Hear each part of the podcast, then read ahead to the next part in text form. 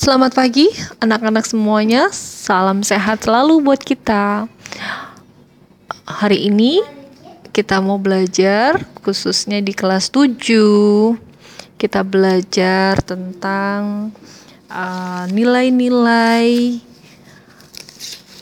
keteladanan Yesus dalam hidup kita. Apa sih yang mesti kita teladani dari Yesus? Nilai-nilai apa yang patut kita kembangkan dalam hidup kita? Kemudian, um, apa yang harus kita perjuangkan bersama Yesus supaya kita bisa lebih menjadi manusia yang bermartabat, supaya kita bisa membangun keselamatan buat orang lain, dan akhirnya kita bisa ikut menjadi partner kerja Allah di dalam menyelamatkan dunia.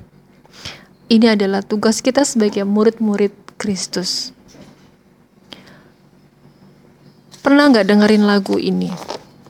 Ya, kasih pasti lemah lembut, kasih itu murah hati, kasihmu ya Tuhan, kasihmu tulus tiada batasnya.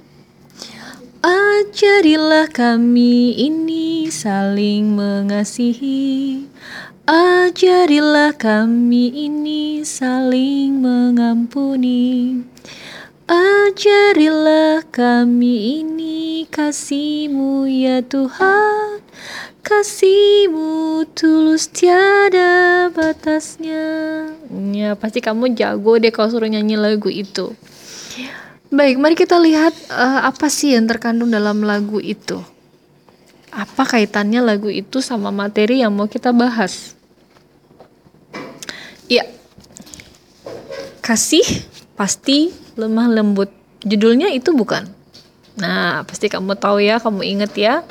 Kasih itu lemah lembut, kasih itu sabar, kasih itu murah hati, kasih itu tidak mendendam, tidak menyimpan kesalahan, dan lain-lain. Nah, coba kamu cek. Nanti kamu cek di dalam kitab suci, hukum kasih yang ditawarkan oleh Yesus itu ada di kitab suci mana, di Injil mana. Lalu kasih itu lemah lembut, kasih itu murah hati dan lain-lainnya itu ada di Injil mana? Coba nanti kamu cari ini ya. Nah, baik. Apa sih isi lagu itu? Iya, betul banget ya. Isi lagu itu ya pasti mengajak kita untuk berbuat kasih. Seperti apa kasih yang diajarkan Yesus? Hmm, kasih yang tadi kurang lebih kita nyanyikan dalam lagu tadi. Ya. Oke, nanti kita lihat apa sih kaitannya dengan uh, kisah orang Samaria yang murah hati.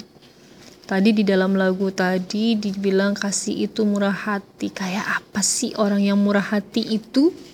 Nah, di dalam Injil Lukas ayat 10 eh Lukas bab 10 maksudnya Lukas bab 10 ayat 25 sampai dengan 37. Itu ada kisah tentang perumpamaan orang Samaria yang murah hati. Masih ingat nggak ceritanya? Masih ya? Ada seorang yang bepergian. Lalu di tengah jalan dia dirampok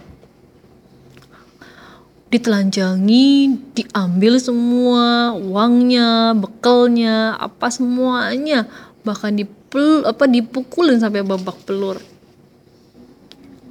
Terus siapa dong yang nolong? Ada nggak yang nolong? Ada yang nggak? Ada nggak yang lihat? Ada yang lihat, tetapi ternyata sedikit yang menolong. Ada satu orang yang betul-betul tergerak hatinya oleh belas kasihan, yaitu orang Samaria. Padahal sebelumnya itu ada yang datang, yaitu para imam, ada imam, ada orang apa namanya, uh, orang Farisi ya mereka lewat tapi takut takut menolong karena takut nanti disangkain atau dituduh sebagai penganiaya? Atau ah takut ah nggak kenal dan seterusnya.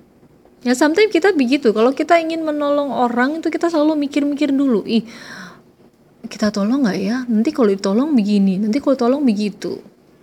Udah deh nggak usah deh. Nah ya. Kadang-kadang ada ada keraguan-raguan dalam hati setiap manusia ketika ingin menolong atau membantu seseorang yang kesusahan. Terus bagaimana dengan orang Samaria yang ada di Injil Lukas bab 10? Hmm, iya. Padahal kita tahu loh orang Yerusalem sama orang Samaria itu bermusuhan. Mereka benar-benar saling membenci.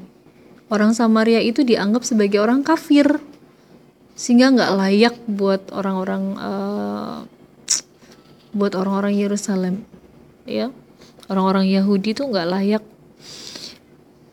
menerima orang Samaria ya mereka dianggapnya sebagai orang kafir yang nggak punya agama yang nggak bertuhan sehingga ya pasti hidupnya begitulah ya tapi apa yang dilakukan oleh orang Samaria itu terhadap orang yang kerampokan itu? Ia menolongnya, menggendongnya, dibawanya ke atas keledainya di ya. Kemudian dibawanya ke tempat penginapan. Lalu di tempat penginapan dia meminta orang untuk merawatnya sampai sembuh. Enggak hanya itu, tapi dia mengasih duit, ninggalin duit ini. Saya tinggalin duitnya tolong rawat sampai sembuh nanti kalau nggak cukup aku kasih lagi ya Nah, ini bisa kamu cek, bisa kamu baca secara detail di Injil Lukas bab 10 ayat 25 sampai 37 itu ya. Nah, kamu bisa lihat secara detail bagaimana orang Samaria itu benar-benar bersikap murah hati. Apa sih yang mau ditampilkan oleh Yesus dari cerita ini sebenarnya? adalah kasih yang tidak membeda-bedakan. Kita nggak perlu beda-bedain uh, berbuat baik kepada banyak orang.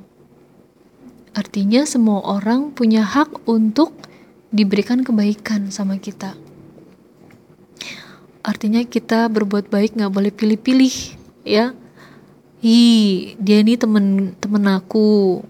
Oh, dia seiman dia satu agama dia daerahnya sama nih sukunya sama nih misalnya. Oh dia kan uh, teman dekat aku gitu ya.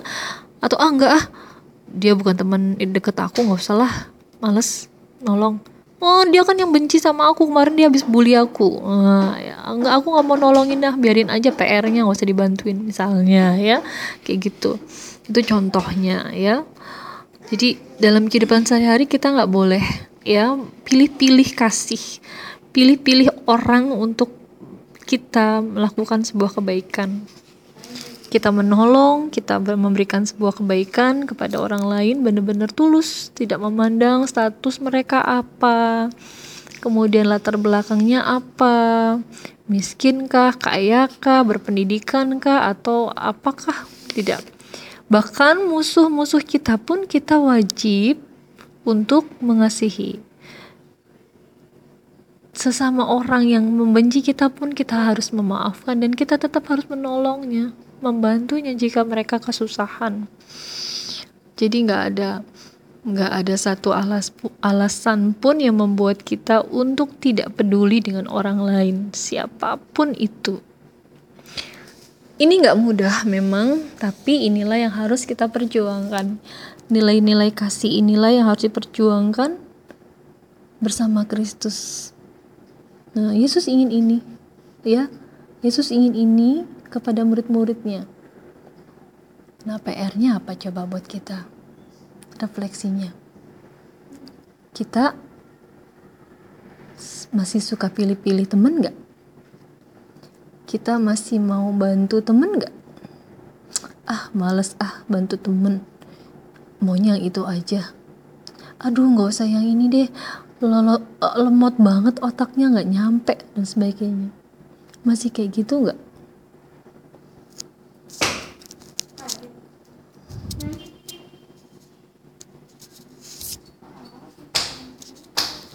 Oke, sampai sini. Jelas ya bahwa hari ini kita belajar tentang hukum kasih yang diajarkan oleh Yesus, kasih kepada Allah dan kasih kepada manusia. Cintailah Tuhan Allahmu dengan segenap hatimu dan segenap akal budimu dan segenap kekuatanmu dan cintailah sesamamu manusia seperti dirimu sendiri. Sampai jumpa di lain waktu.